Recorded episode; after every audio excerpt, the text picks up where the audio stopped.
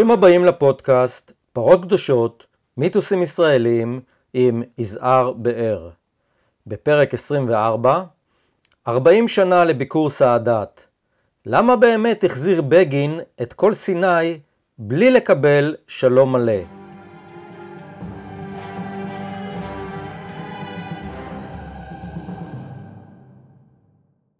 בעולם המושגים האסלאמי קיימים שלושה סוגים של הפסקת לחימה בין אויבים על פי מדרג. אודנה היא הפסקת אש בלבד. סלאם הוא הסכם אי לוחמה שניתן להפר אותו בבוא הזמן בהחלטה חד צדדית. וסולח הוא שלום מלא, מוחלט וסופי. מדוע אם כן הסכים בגין להסתפק בהסכם שהוגדר על ידי סאדאת כהסכם סלאם בלבד, כלומר שניתן להפר אותו בעת כלשהי, ולא עמד על דעתו לקבל בתמורה להחזרת סיני הסכם שלום מלא ובלתי מותנה, סולח. הנה הסבר שלא שמעתם אותו עד כה.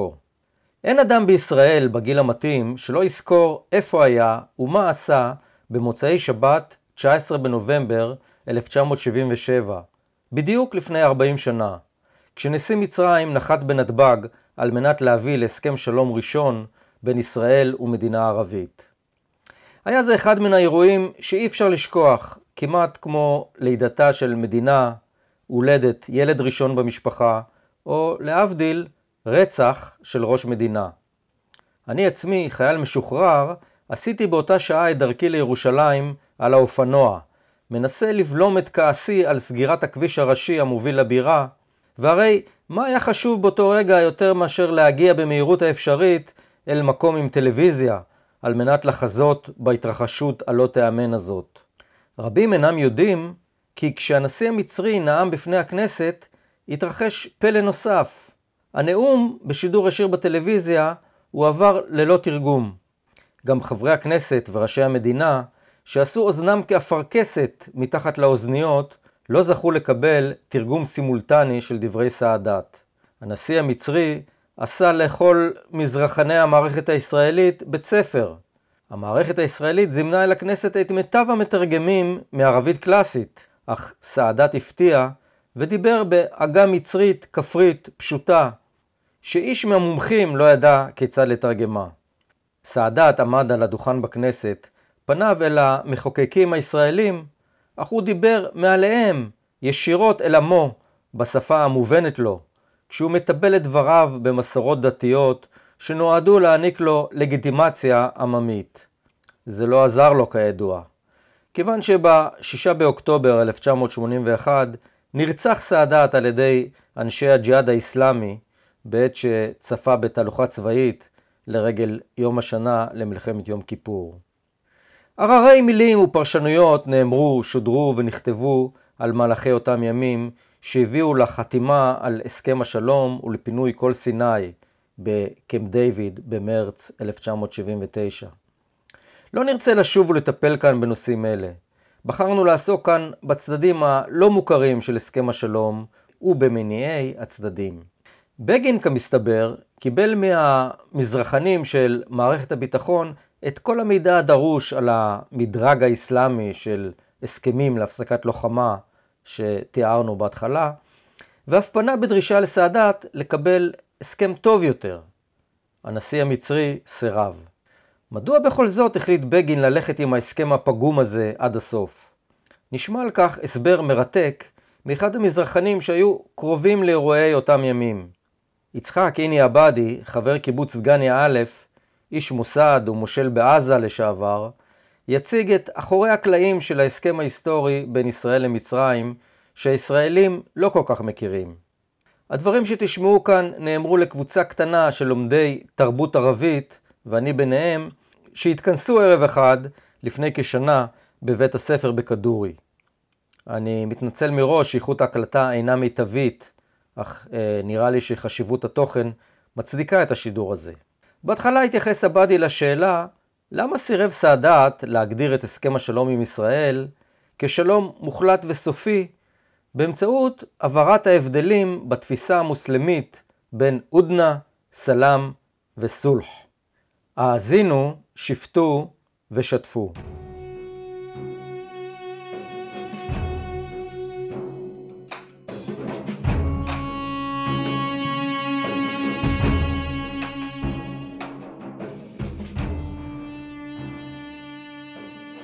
כאשר בין שתי משפחות נשפך דם, שנים. זה שופך מדמו של זה, וזה שופך מדמו של זה, וזה שופך מדמו של זה, וזה שופך עד אינסוף. וקרה שיום אחד, הנה זאת המשפחה שממנה נשפך הדם ראשונה. אדם מהמשפחה הזאת נקלע אל ביתו. חובה עליו לקבל אותו בשלום. למה הכוונה? חובה עליו לרחוץ את רגליו. חובה עליו ללכת לגנוב כדי לספק את הצרכים שלו. חובה. כי הוא קיבל אותו בשלום.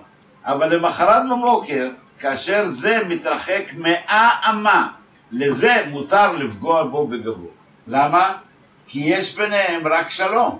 זה נורא משמעותי.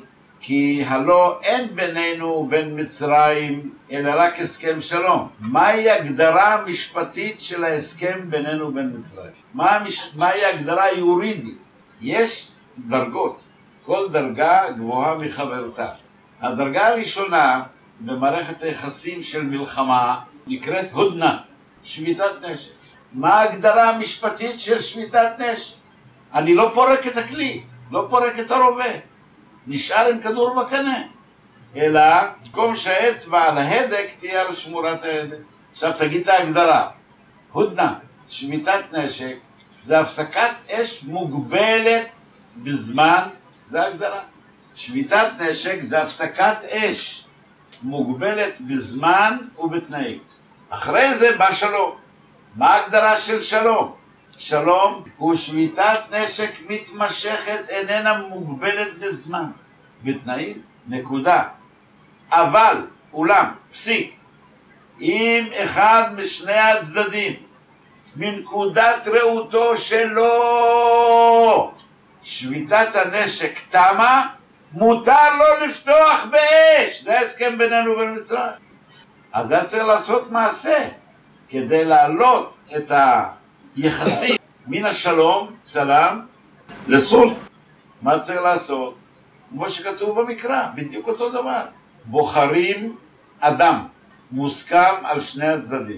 והוא ייכנס לחדר סגור חודש, חודשיים, שנה, שנתיים, שלוש, בלי הגבלה של זמן. וילמד, ויברר, ויעשה תחקיר, שהתוצאה שלו צריכה להיות מי ישלם למי את כופר הנפש? קביעתו היא סופית ואין עליה עוררין, אבל בתשלום לא נגמר העניין. המלחמות הן תוצאה של נקמות דם מתמשכות, והיה ורוצים למסד את זה, לא מספיק הכופר, לא מספיק התשלום, אלא בקוראן כתוב ותעהדו בדם או בלבן כרתו ביניהם ברית, עהד, עהד, ברית, עהד אל-אומה, ברית האומה, ותעהדו בדם או. כרתו ביניהם ברית בדם או בחלב. הקוראן לא מבדיל בין דם לחלב. טענה שכאן, מול הדבר הזה שיש בו את העורקים המובילים את הלבן והמתוק, מסתרגים עליו עורקים שמובילים אדום ומלוח. לכן אין הבדל בין דם לחלב. אין הבדל בין מלוח למתוק. הדם הוא מלוח, והחלב, לבן זה לא לבן, זה חלב. ואז יושבים שני הצדדים, ותשימו לב, בעברית, דמים, בעברית, המשמעות המילה דמים, זה גם כסף וגם דם. כסף כופר, דם ברית. טובלים את הידיים ועושים ככה, נוגעים אחד בשני. ואז אני זוכר שאמרתי לכם, תשימו לב כמה זה מושרש. שאתם תוזמנו לאכול ארוחת צהריים, ואכלתם ואכלתם ואכלתם ותקעתם גרפס כמו שהמנהג מחייב, אז הוא יגיד לכם, יאללה, יאללה, יאללה, יאללה, היה נתחלה, בואו נעבור לסלון, לאכול את המתוק, את הדיזרט.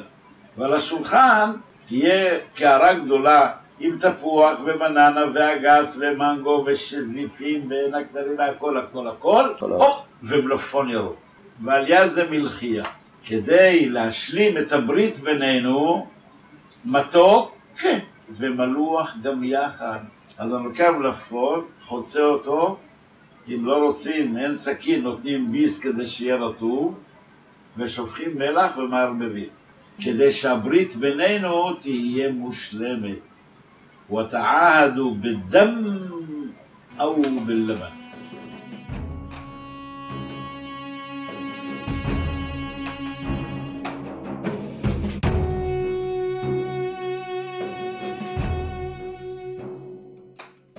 אז לברית שלום מלאה לא הגענו עם המצרים, אבל התשלום, כופר הנפש שישראל נדרשה לשלם, היה מלא, החזרת כל סיני.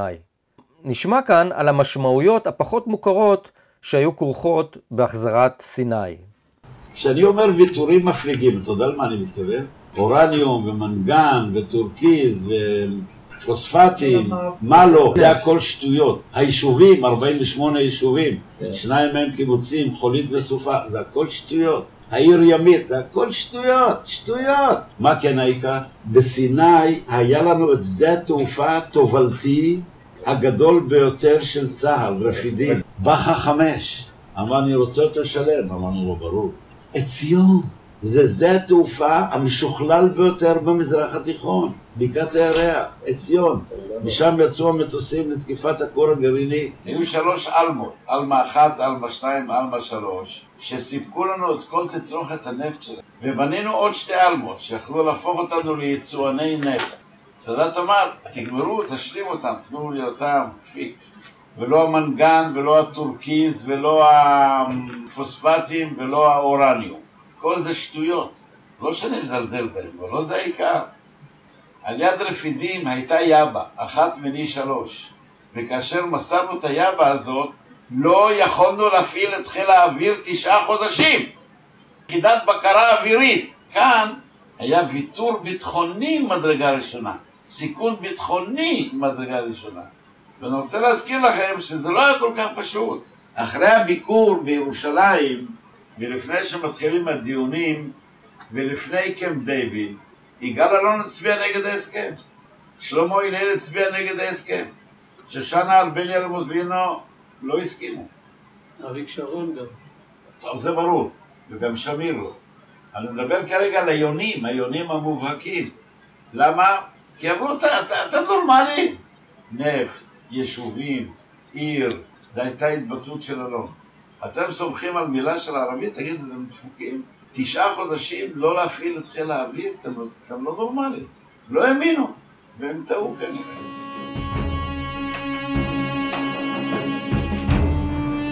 האם בגין היה מודע לכך שהוא עומד לקבל מסאדאת הסכם חלקי בלבד? והאם הוא ניסה לקבל עסקה משופרת? אני שואל עקרונית, מה הערך של הסכם אם בכל רגע נתון אחד הצדדים יכול להחליט שהוא, מבחינתו זה נגמר? נכון. אז איזה ערך יש לזה? אוקיי, אז בפועל 40 שנה הם לא עשו כלום, אבל לפני 30 שנה יכלו כן לפתוח באש. כן, אז בוא, בוא אני השאלה שלי אחרת. בוא אני האם הקברניטים שלנו מבינים את המשמעות שלהם? כן. כי אני הייתי עד אישית, שבאה קבוצת חברים לבגין ואמרה לו, מנחם, כאשר אתה תיפגש עם החבר שלך סאדאת, תאמר לו שתמורת הוויתורים המפליגים שאנחנו מוותרים בסיני, אנחנו רוצים, תקשיב, הסכם יותר מחייב משלום! בגין היה המום, אומר, מה אתם מדברים שטויות?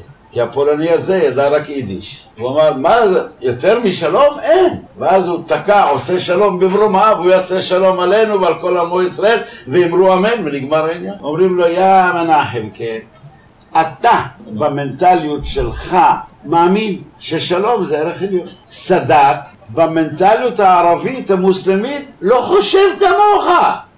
אתה מבין? לא כל בני אדם בנויים להאמין שווה. לכן אסור לעשות, אם יש שגיאה בחיים, זה לעשות טרנספורמציה ממנטליות למנטליות, בהנחה שכל המנטליות בעולם היא שווה. איזה שטויות אלה? כשהסבירו למנחם, אני הייתי עד, אז הוא בא ואמר לסאדאת ככה, תמורת הוויתורים המפליגים שאנו מוותרים בסיני, אני רוצה הסכם יותר מחייב משלום.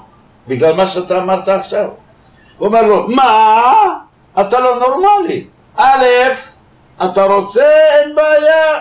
אני רוצה פסק זמן, אני אלך הביתה, אביא את כל החשבון, תשימו למילה, חשבון שיש לי איתך, אני אשים אותו לשולחן, ואז אני מבטיח לך, לא יהיה שום הסכם בינינו. ואז הוא מסיים ואומר לו, תסתפק בשלום. תסתפק בשלום. זה לא מה שאתה רוצה, תסתפק בשלום. ואז הוא ממשיך ואומר, גם זה הרחקתי לכת יותר מדי, ואני מרגיש שאני נמצא על קרקע לא יציבה. לא עברו כמה ימים וירו בו. באוקטובר 81 הוא נרצח, והוא חש את זה. הוא לא יודע מתי זה יקרה. ולא זכה לחתום על הסכם השלום. סאדאת לא זכה לחתום על הסכם השלום. 77 ביקר בירושלים, ב-79 נחתמו הסכמי קמפ דיוויד, לא הסכם שלום! באפריל 82 מובארק חתם על הסכם השלום. אבל הנרטיב הוא שהוא נרצח בגלל סיבות אחרות. למה? ההתנגדות של האחים המוסלמים. למה? לביקור בירושלים. לרדיפה של האחים המוסלמים, לא, לא, לא, לכפירה. אבל ברור לגמרי. קרב לישראל. ברור לגמרי. חשבון הוא, הוא, הוא, הוא משנת 1930 עד היום. עד היום.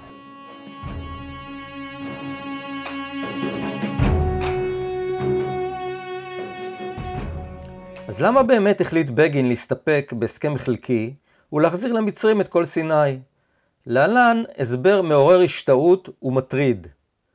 אני ממליץ לצפות בקטע הוידאו שצילמתי ואשר מצורף לפרק, שבו מדגים עבדי את השימוש המניפולטיבי שעשו המצרים עם שבויי צה"ל שהיו בידיהם, דבר שהשפיע לדעתו על נקודת השבירה של הישראלים במשא ומתן מול סאדאת.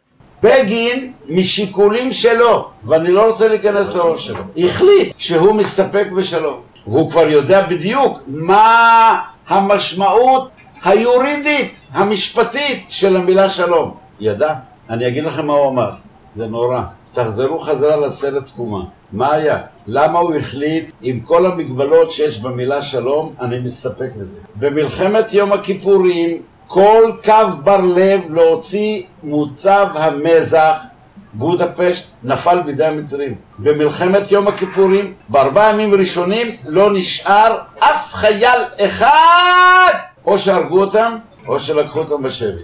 כל קו בר לב בארבעת הימים הראשונים נפל בידי המצרים, והחטיבה הירושלמית וחטיבה 35, או שנהרגו או שנלקחו בשבי. והאימהות לא ידעו מי מבין בניהם או בעליהם חי או מת. שכחתם, אה? לא ידעו. ואז פתאום, מה גרם לשינוי בארץ? יום קודם דיין אומר, מוטב שארם א-שייח ולא שלום. מה קרה? מה קרה? מה קרה? האימהות והנשים לא ידעו אם הבן, הבעל שלהם הוא בין המתים או בין החיים. מאות שבויים שלא מתו. המצרים סידרו אותם בשורה ישרה, ישרה, ישרה. תראו את הסרט. אחרת כל מי שמדבר על מלחמת יום הכיפורים הוא נבל, והם היו ככה. הם היו אזוקים בקרסוליים ובכפות הידיים. והמצלמה המצרית עוברת ומצלמת. הנה הבעל שלי, הנה הבן שלי, הנה הבעל שלי, הנה הבן שלי. האימהות זיהו אותם והסריטו, הקרינו את הסרט הזה 24 שעות. נכון, הוא נראה נורא, העיניים שלו בולטות, העיניים שלו שקועות, תראה איזה זיפים, תראה איך הוא נראה, אבל הוא חי! כאשר המצלמה ככה עוברת ומצלמת, שכל האימהות תזהנה מבלי להודיע בתקשורת שמות של מי חי, אלא האימא והאישה רואות את הבעל ואת הילד. כאשר המצלמה עוברת כל הזמן ומצלמת. אז הופיעו חיילים מצריים ושמו לפני כל חייל מליאת מים בלי עטיפה, בלי פקק, ככה. שמו אותה כאן לפניהם, והם אזוקים. ואז האימהות כבר יודעות איפה למצוא את הבן שלה, והאישה את הבעל שלה. וכנראה הצמיעו אותם קודם יום, יומיים. ואז החיילים עשו ככה, עשו עומדת, עומדן מרחק, מתוך כוונה להפיל את עצמם ולתפוס את הממייה בפה. תראו את זה, אחרת, אחרת מה אתם מדברים על מלחמת יום הכיפורים? וברור לכם שאף אחד לא הצליח לתפוס את הממייה בפה. אבל היא כן ראתה איך שהממייה מתהפכת והמים שרצה לשתות נספגים בחול. וכאשר הם שוכבים הם לא יכולים לקום. ואז המצלמה מאחור מצלמת, כולם היו עם מכנסיים נפוחים מצואה. ואז אמהות אמרו, לא עוד מלחמה,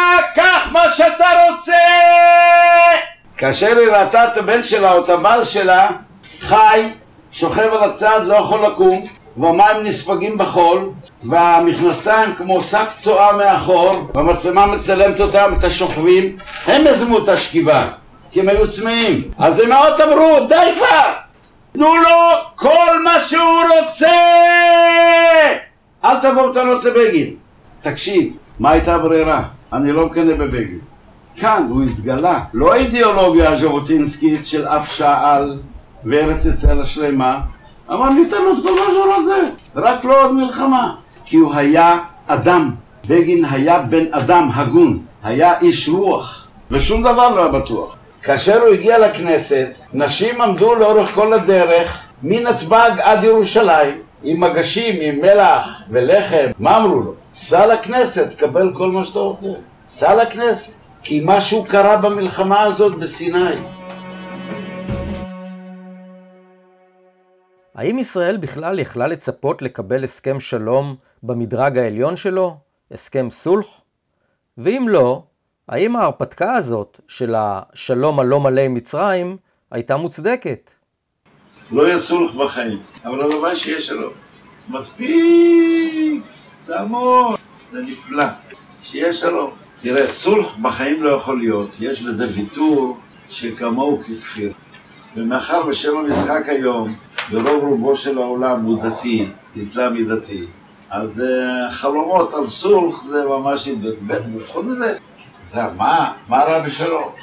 ראו שאתה לא יודע מתי הוא יחליט שזה מבחינת ראות עיניו תם... תראה, אז עכשיו אתה רואה, אתה עכשיו בדיוק כמו הפסימיסט. מתי חתמו להסכם עם מצרים? לא, לא, אתה שאלת מה רע, אני אומר, זאת נקודה, צריך לחשוב על זה. רגע, וכאשר אתה זוכר את המנוול הזה, שהיה לו הסכם עם ריבנטרופ, אתה זוכר?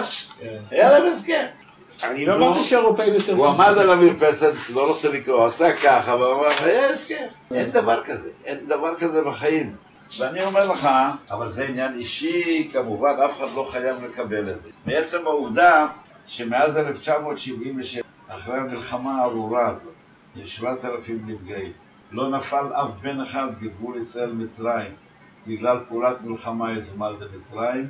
אני אוהב את השלום הזה עם כל המגבלות שלו, אהבה גדולה. באמת אני אוהב. כי תשים לב, מאז 77, אתה יודע כמה שנים? תקשיב לי. 40? מה זה? נפלא, יופי של דבר, שלא יהיה סוף בחיים, שיהיה שלום. אתה יודע מה, אני מוכן אפילו להגיד משהו, אני מסתכל. גם אם חלילה, חלילה, חלילה, שלא נדע, הלילה יתבטל הסכם השלום בינינו למצרים, ב-77 הייתי חותם עליו בידיעה שהיום הוא יתבטל. אבל עצוב, כל כך הרבה שנים, לא נפל אף בן. סאדאת הציע לישראל הסכם שלום בכמה הזדמנויות בשנתיים שקדמו למלחמה, בתנאים נוחים הרבה יותר לישראל מאשר אלה שקיבלה בסופו של דבר אחרי מלחמת יום כיפור. אם ישראל הייתה מקבלת את הצעתו, אפשר היה לחסוך את כל אלפי ההרוגים, הפצועים והסבל הנורא שהיא גרמה. ב-77 הוא הגיע, אבל כשהוא הגיע הוא אמר עוד משהו. בפברואר 71 הצעתי לכם, בפברואר 71 הצעתי לכם, תחזירו את השטחים המצריים שישראל כבשה ביוני 67 ואני אכיר בכם. נעשה הסכם שלום. אתם לא האמנתם לי אז, אה? אחרי מלחמת יום הכיפורים האמנתם, אה? מלחמת יום הכיפורים הייתה איוולת שלנו שהבאנו אותה על עצמנו. אי אפשר לדבר על הסכם השלום עם מצרים בלי להתייחס לשאלה שנותרה פתוחה מבחינת ישראלים רבים לאחר מלחמת יום הכיפורים, והיא מדוע נעצר הצבא המצרי לאחר שחצה את התעלה כשישראל וצה"ל היו תחת אלם התבוסות הראשונות, ולא המשיך לעומק סיני ולתוך מדינת ישראל. עבדי טוען שעצם השאלה הזאת, שנקרא גם בקרב מקבלי החלטות אחרי המלחמה, הייתה מחדל בפני עצמו. ליקוי בסיסי בקריאת המפה. ב-77, כשהוא הגיע לירושלים, היו שיחות הכנה במרוקו, ודיין כשר החוץ שערק מן מפא"י והפך לשר החוץ של בגין, נסע מחופש למרוקו. ונפגש עם סגן שר החוץ. תקשיבו, הוא מוריד את המשקפי שמש, הוא מוריד את הזקן, הוא אומר לתומי, תגיד, למה לא המשכתם מלחמת יום הכיפורים? תומי אומר לו, לאן? הוא אומר לו, למה לא המשכתם?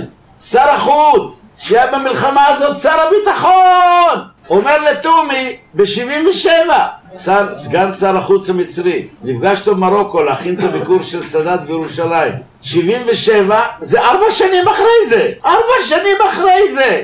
שר הביטחון שלי! של המלחמה הזאת! שר החוץ ב-77! שואל את תומי למה לא המשכת? ואז אני רוצה את נפשי למות, כי אחרי מלחמת יום הכיפורים הבטיחו לי שיותר זה לא יקרה. אז ב-77 הוא שואל את תומי למה לא המשכתם? אז תומי אומר לו, אני לא יודע למה אתה מתכוון. הוא אומר למה לא המשכתם?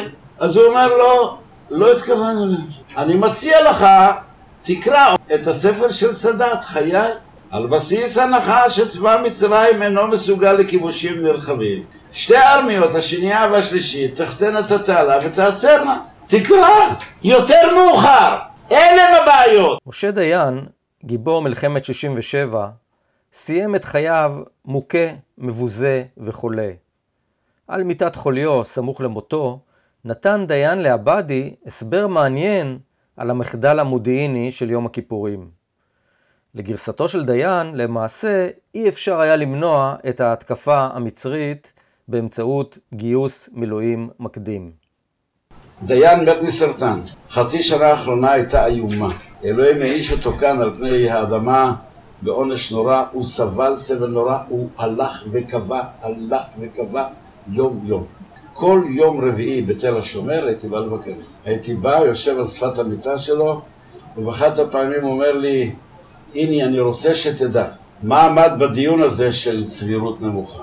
זאת איוולת, מפני שאת המעשה שסאדאת התכוון לעשות לא ניתן היה למנוע. אני אומר לו, אני לא מבין. הוא אומר לי, כאשר שתי ארמיות חצו את התעלה, הם כולם צבא קבע. הם כולם צבא קבע. הם לא עובדים לא במשרד, לא בבית ספר, לא בזה, לא בחקלאות, לא במפעלים, הם כולם צבא קבע. מה רצית שנעשה? לגייס? אוקיי. כשאני מגייס, אני משתק את המשק. כמה זמן אפשר? רגע, רגע. ב-70? הלוא המשק היה מפורר כתוצאה ממלחמת ההתשה. זה קרה ב-73, עוד לא נרפאנו. אז מה הייתה הטעם, מה היה הטעם בגיוס שדדו, שדדו דיבר עליו? אתה מגייס, אני מחכה. כמה זמן תחזיק מעמד? אתם זוכרים, הבחורים זוכרים. שבועיים, שלושה שבועות, חודש, ואז אתה מחזיר את החיילים למחסן החירום, ואתם זוכרים בדיוק מה קורה במחסן החירום. הכל בערימות, הפאוצ'ים, עם הרימונים, עם התחמושת, עם החרא הזה. לך תמיין את זה. סדרת תגיד, מה בוער לי? שיתגייסו, יחזרו הביתה. הם לא יעברו את התעלה. בלאו הכי, אין להם כבר כוח, כי המשק שלהם גמור ממלחמת ההתשה. נגמרה בשבעים, אני אחכה שבועיים, יחזרו הביתה. אז אני אעבור, שיגייסו. אז גם הוא צודק.